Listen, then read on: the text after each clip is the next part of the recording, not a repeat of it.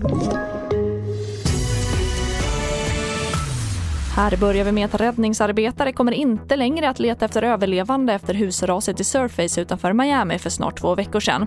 Totalt har 54 döda hittats i rasmassorna. 86 personer saknas fortfarande och myndigheterna försöker få reda på hur många av dem som verkligen befann sig i huset när det rasade. Och vår reporter Thomas Kvarnkullen är på plats och berättar hur beskedet tagits emot.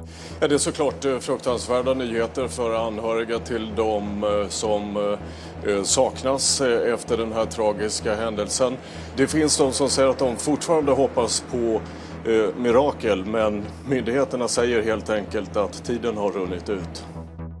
Och efter flera månaders förberedelser startar idag haverikommissionen de första dykningarna vid Estonia sedan 90-talet. Syftet med expeditionen är att undersöka bottenförhållandena kring vraket och förhoppningsvis kunna förklara vad de nyupptäckta hålen i sidan av fartyget beror på.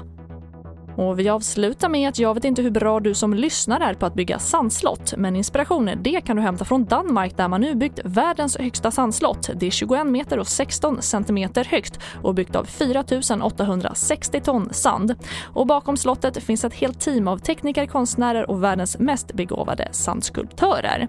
Och det får avsluta TV4-nyheterna. Jag heter Charlotte Hemgren.